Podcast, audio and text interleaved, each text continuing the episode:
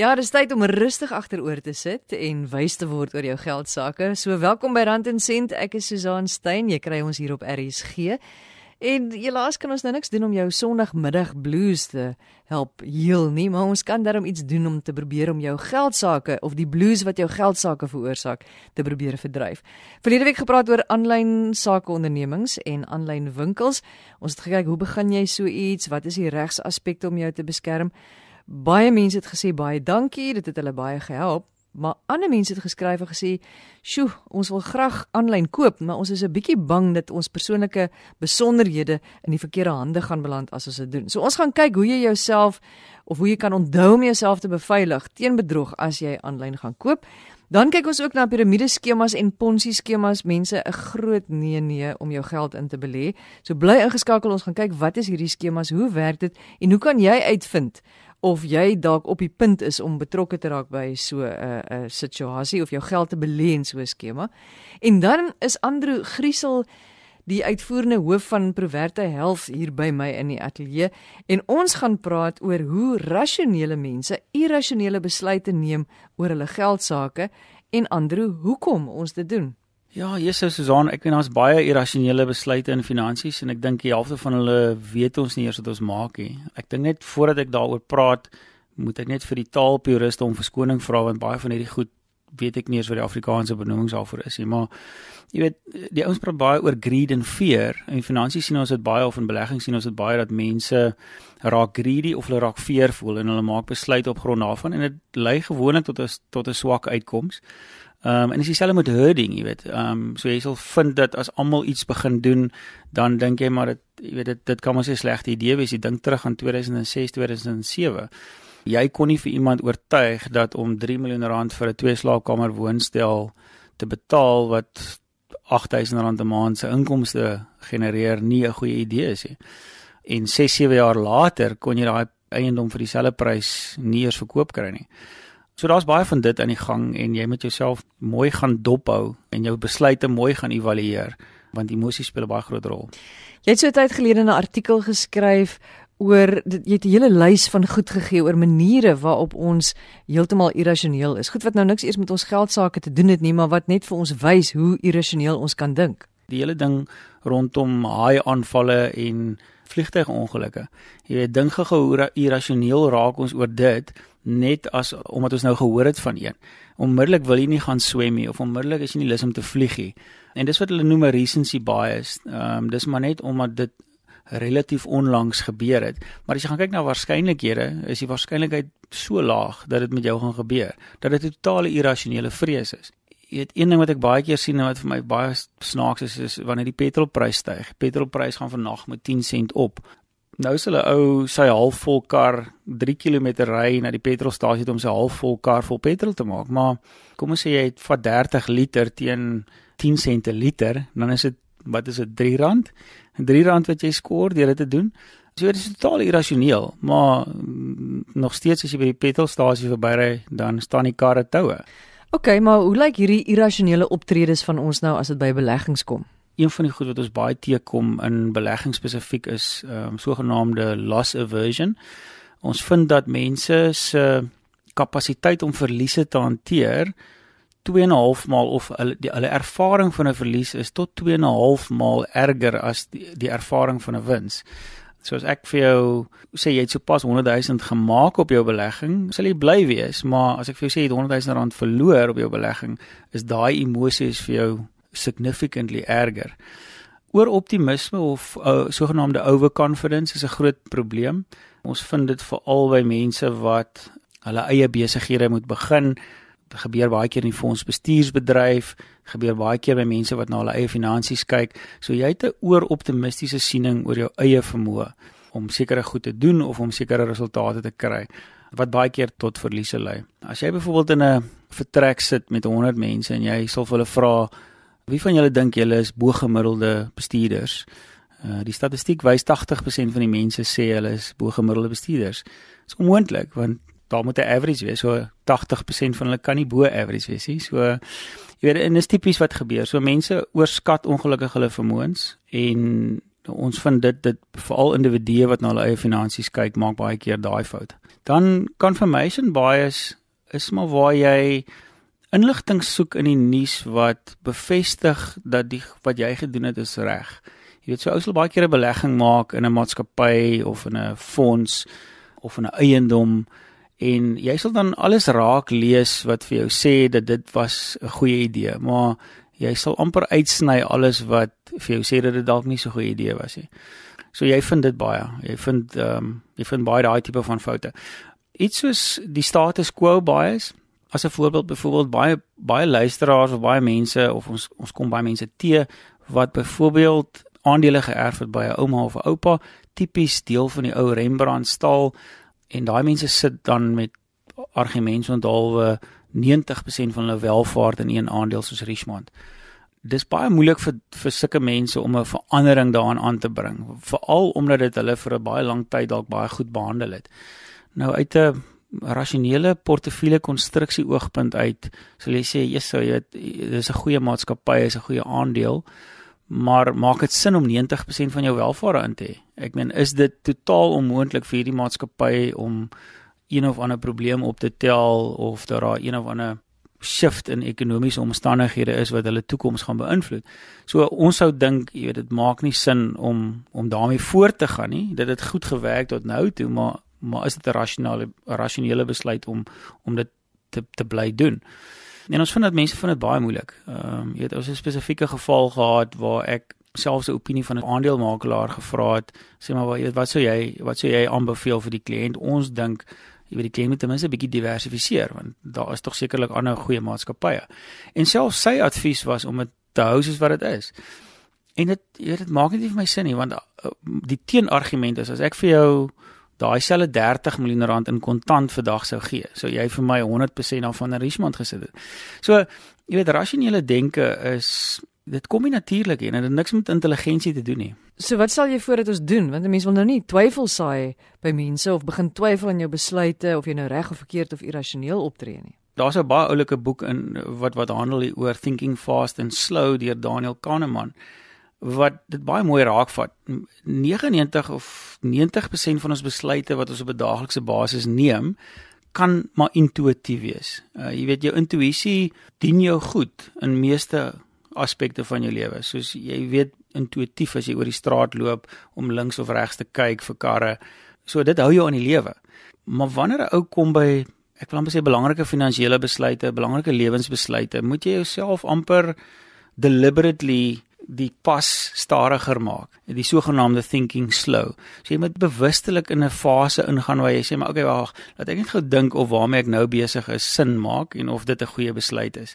En ek dink as jy as jy daai proses kan deel maak van jou gedagtegang, gaan jy klaar beter besluite maak. Wanneer by beleggings kom, jy weet, en obviously sal ek so sê want ek self is 'n finansiële beplanner, so vat dit met 'n knippie sout.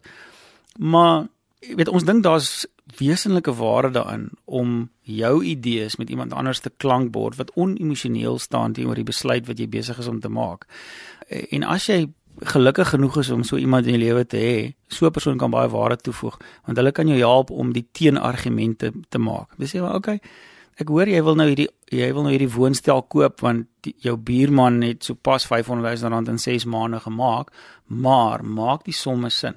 En wanneer dit by beleggings kom meer gereeld as nie, ek sê altyd vir mense, maak die somme want dis koud en klinies. As jy die somme gaan maak en jy dit wys vir jou die opbrengs daarop gaan 3% wees argumente daaroor omdat die prys so duur is, dan behoort dit vir jou iets te sê en dit hopelik sal dit jou help met jou besluitnemingsprosesse.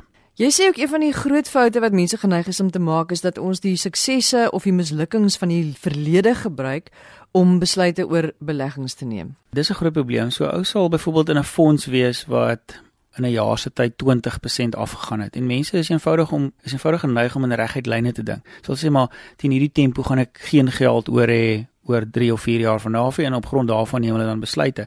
Andersom ook, jy weet jou belegging het fantasties goed gedoen. 30% per jaar gedoen vir 4 jaar in 'n ry en jy kan al sien hoe jy in Clifton gaan aftree oor 10 jaar van nou af dis net totaal irrasioneel om so te dink. Mean reversion of terugkeer na die gemiddelde is 'n baie realistiese of 'n baie ware aspek van finansies en ou moet dit in gedagte hou. Andrew, hierdie is eintlik 'n lang en amper filosofiese gesprek wat 'n mens kan begin hê oor oor jou geld sake en beleggings, maar dis ongelukkig alwaarvoor ons tyd het. Ek het ook 'n lysie van boeke wat Andrew vir my gegee het. So as jy daar belangstel om hierdie boeke te lees en te sien hoe 'n mens kan dink oor jou geld sake of hoe jy dit kan jou denke kan verander, dan kan jy hulle gerus vir my e-pos stuur. Dis rsg@randencent@gmail.com. rsg@randencent@gmail.com en ons het gepraat met Andrew Griesel. Hy is die uitvoerende hoof van Proverte Health. Ons praat oor geld sake hier op RSG. Dis Rand en Sent. Ek is Susan Stein en baie welkom as jy nou net ingeskakel het. Ons is luisterbaar op RSG 100.104 FM of op die internet www.rsg.co.za of die DStv kanaal 813. Neil Fourie is 'n aktuaris vir openbare beleid. Hy is van die Aktuariële Genootskap van Suid-Afrika. En Neil, ons praat nou vanmiddag oor piramideskemas en ponzi skemas, daai goed waarna ons asseblief nie moet belê nie. Maar hoe verskil of wat is 'n piramideskema en wat is 'n ponzi skema en hoe verskil die twee van mekaar? 'n Piramideskema en 'n ponzi skema, hulle verskil so bietjie. So 'n piramideskema is in die vorm van 'n piramide basies en jy kry ouens onder jou in om ook geld te belê en basies dan betaal hulle die ouens wat inkom se geld aan jou uit. So daar word gewoonlik nie die geld fisies belê nie. Maar by 'n Ponzi skema belê hulle gewoonlik die geld in iets, maar dit is nie genoeg om die opbrengste vir die mense uit te betaal nie. So met tyd is dit ook nie genoeg om vir mense hulle geld uit te betaal nie. So hy speel ook maar bankrot met tyd. So wat is hierdie hierdie huidige woelinge rondom die MMM die, wat deur die Russiese stigter as 'n sosiale finansiële netwerk beskryf word? Ja, so dit is ook maar basies uh, val maar onder 'n piramideskema. So hulle het maar ouens gekry om in te koop in hierdie skema in en dan betaal hulle maar net met die geld wat inkom aan ouens uit en met tyd soos daar nie genoeg mense inkom nie dan speel daai ding maar basies bankrot. Is dit so, hoekom 'n mens aan die begin van so 'n piramide skema as jy belê, hulle sê mos die ouens wat eerste ingaan ja. is die ouens wat iets uitkry. So is dit hoekom jy aanvanklik redelike hoë opbrengste kry en dan later al hoe minder en minder. Dit is presies die rede. Ja. So om miskien om 'n eenvoudige voorbeeld te gebruik. Gestel daar's hierdie skema en hulle sê hulle betaal vir jou uh, as jy 100 insit, betaal hulle vir jou 300 uit die volgende maand. So dit beteken jy moet jou geld insit en jy moet twee ouens onder jou kry. So dan is daar nou 300, maar na daai eerste maand hulle 300 uitbetaal. So dan vir daai ander twee ouens is daar niemand se geld so hulle moet nou nog 3 ouens kry om vir hulle bet te betaal. En so gaan dit maar die ouens as hulle nou betaal is met hulle weer nog 'n klomp ouens kry. So is later aan raak dit net te veel mense en dan val die hele skema aan mekaar. Hoekom word dit enigstens toegelaat? Dit word toegelaat nie, so maar dit val buite baie van hierdie goeters omdat hulle word nie, hulle volg nie die regte prosedures nie, so hulle word nie deur die finansiële dienste raad gereguleer nie. So hulle maak maar net enige beloftes aan mense en mense is desperaat hulle wil hulle hoë opbrengste hê en dan word hulle maar uitgevang. Jy het nou so kortweg 'n voorbeeld genoem, maar presies hoe werk die skemas? Die groot ding is maar hulle maak maar vir die ouens beloftes van hoë opbrengste wat wat hulle nie gaan kry nie. So dit is maar die eintlike eintlike ding. So So teen die tyd dat jy by die skema aansluit, hou jy eintlik net die hele ding nog staande met jou paar sent wat ja. jy indruk. So veral as jy te laat inkom. En dit is maar in verskillende vorms. Ons des jare was ons hier kibusse gewees waar die ouens ons nou ehm um, gekoop het en dan moes hulle dit nou kampsdag kweek en dan kry hulle geld daarvoor en so aan. Maar meeste van hierdie goeders is maar net jy sit geld in hulle beloof vir jou baie hoë opbrengs, maar dit kan nie ja, hulle kan nie daai belofte nakom. So die enigste instansies wat vir jou opbrengste kan waarborg is banke of versekeringsmaatskappye wat kapitaal hou om dit te kan te kan waarborg en dan is dit gewoonlik baie laer koerse. Is enige iets vir jou bo 10% gewaarborgde uh opbrengste gee, dan moet jy 'n bietjie begin kyk, maar dit is gewoonlik nie moontlik nie. Ek wil net vir jou vra, hoe identifiseer 'n mens so 'n piramideskema ja. of 'n ponzi skema? So die groot ding is maar die die die hoë opbrengste wat hulle vir jou waarborg. So soos ek sê enigiets bo 10% gewaarborg is 10 te 1 nie waar nie. En as dit nie deur 'n groot bank of 'n groot versekeringsmaatskappy gewaarborg is, is die waarborg van van opbrengste eintlik niks werd nie. Maar dan was daar iets soos Masterbond wat 'n Ponzi skema was wat valslik daarop aanspraak gemaak het dat dit 'n bank is, uh met deposito's wat deur die Suid-Afrikaanse Reservebank gewaarborg word. So hoe gaan jy weet hierdie ding is is nie regtig 'n bank nie? So wat 'n mens 'n mens kan doen en uh, meeste verbruikers sal dit seker nie doen nie, maar jy kan met jou finansiële adviseur praat om vir jou uit te vind of jy kan die finansiële diensteraad van Suid-Afrika, die FSB, kan mens direk kontak en hoor of die instansie by hulle geregistreer is. OK, daar's 'n paar vrae wat jy sê 'n mens jouself moet afvra ja. voordat jy nou betrokke raak behalwe nou miskien om met jou finansiële adviseur te gesels. So eerstens soos hulle altyd sê as dit goed klink om waar te wees, dan is dit nie nie waar nie. So dit is my eers op die opbrengste wat hulle vir jou beloof. As dit te hoog is, soos ek sê, as dit bo 10% gewaarborg is, dan is dit nie nie waar nie. Die volgende een is gewoonlik hulle kry baie soos die Engelsman sê persistent verkoopsmense om dit aan jou te probeer afsmeer. En um, dan moet mense ook vra wat is die onderliggende beleggings om hierdie hoë opbrengste te kan gee. So uh, in meeste van die gevalle sal die ouens dan nie vir jou sê hoe hulle hierdie hierdie um, hoë opbrengste verdien nie. Hoekom is dit so dat ons ten spyte van die feit dat ons hierdie goed hoor en ons het ook 'n intuïsie wat vir ons sê, "Joh, ek moet twee keer dink." Hoekom is dit sodat mense nog steeds aan hierdie skemas deelneem? Ek dink die groot ding is maar mense is maar desperaat. So soos ons nou die finansiële druk, ons gaan dit deur 'n moeilike ekonomiese tyd, so ons sien die die ehm um, indiensnemingssyfer is besig om baie af te gaan. Ons baie mense wat die werk het. Die verlede jaar het hulle so die Wêreldbank het 'n verslag uitgebring wat wys dat Afrikaners het die van die grootste skuldlaste in die wêreld. So ons ons het te veel skuld, ons lewe te hoog.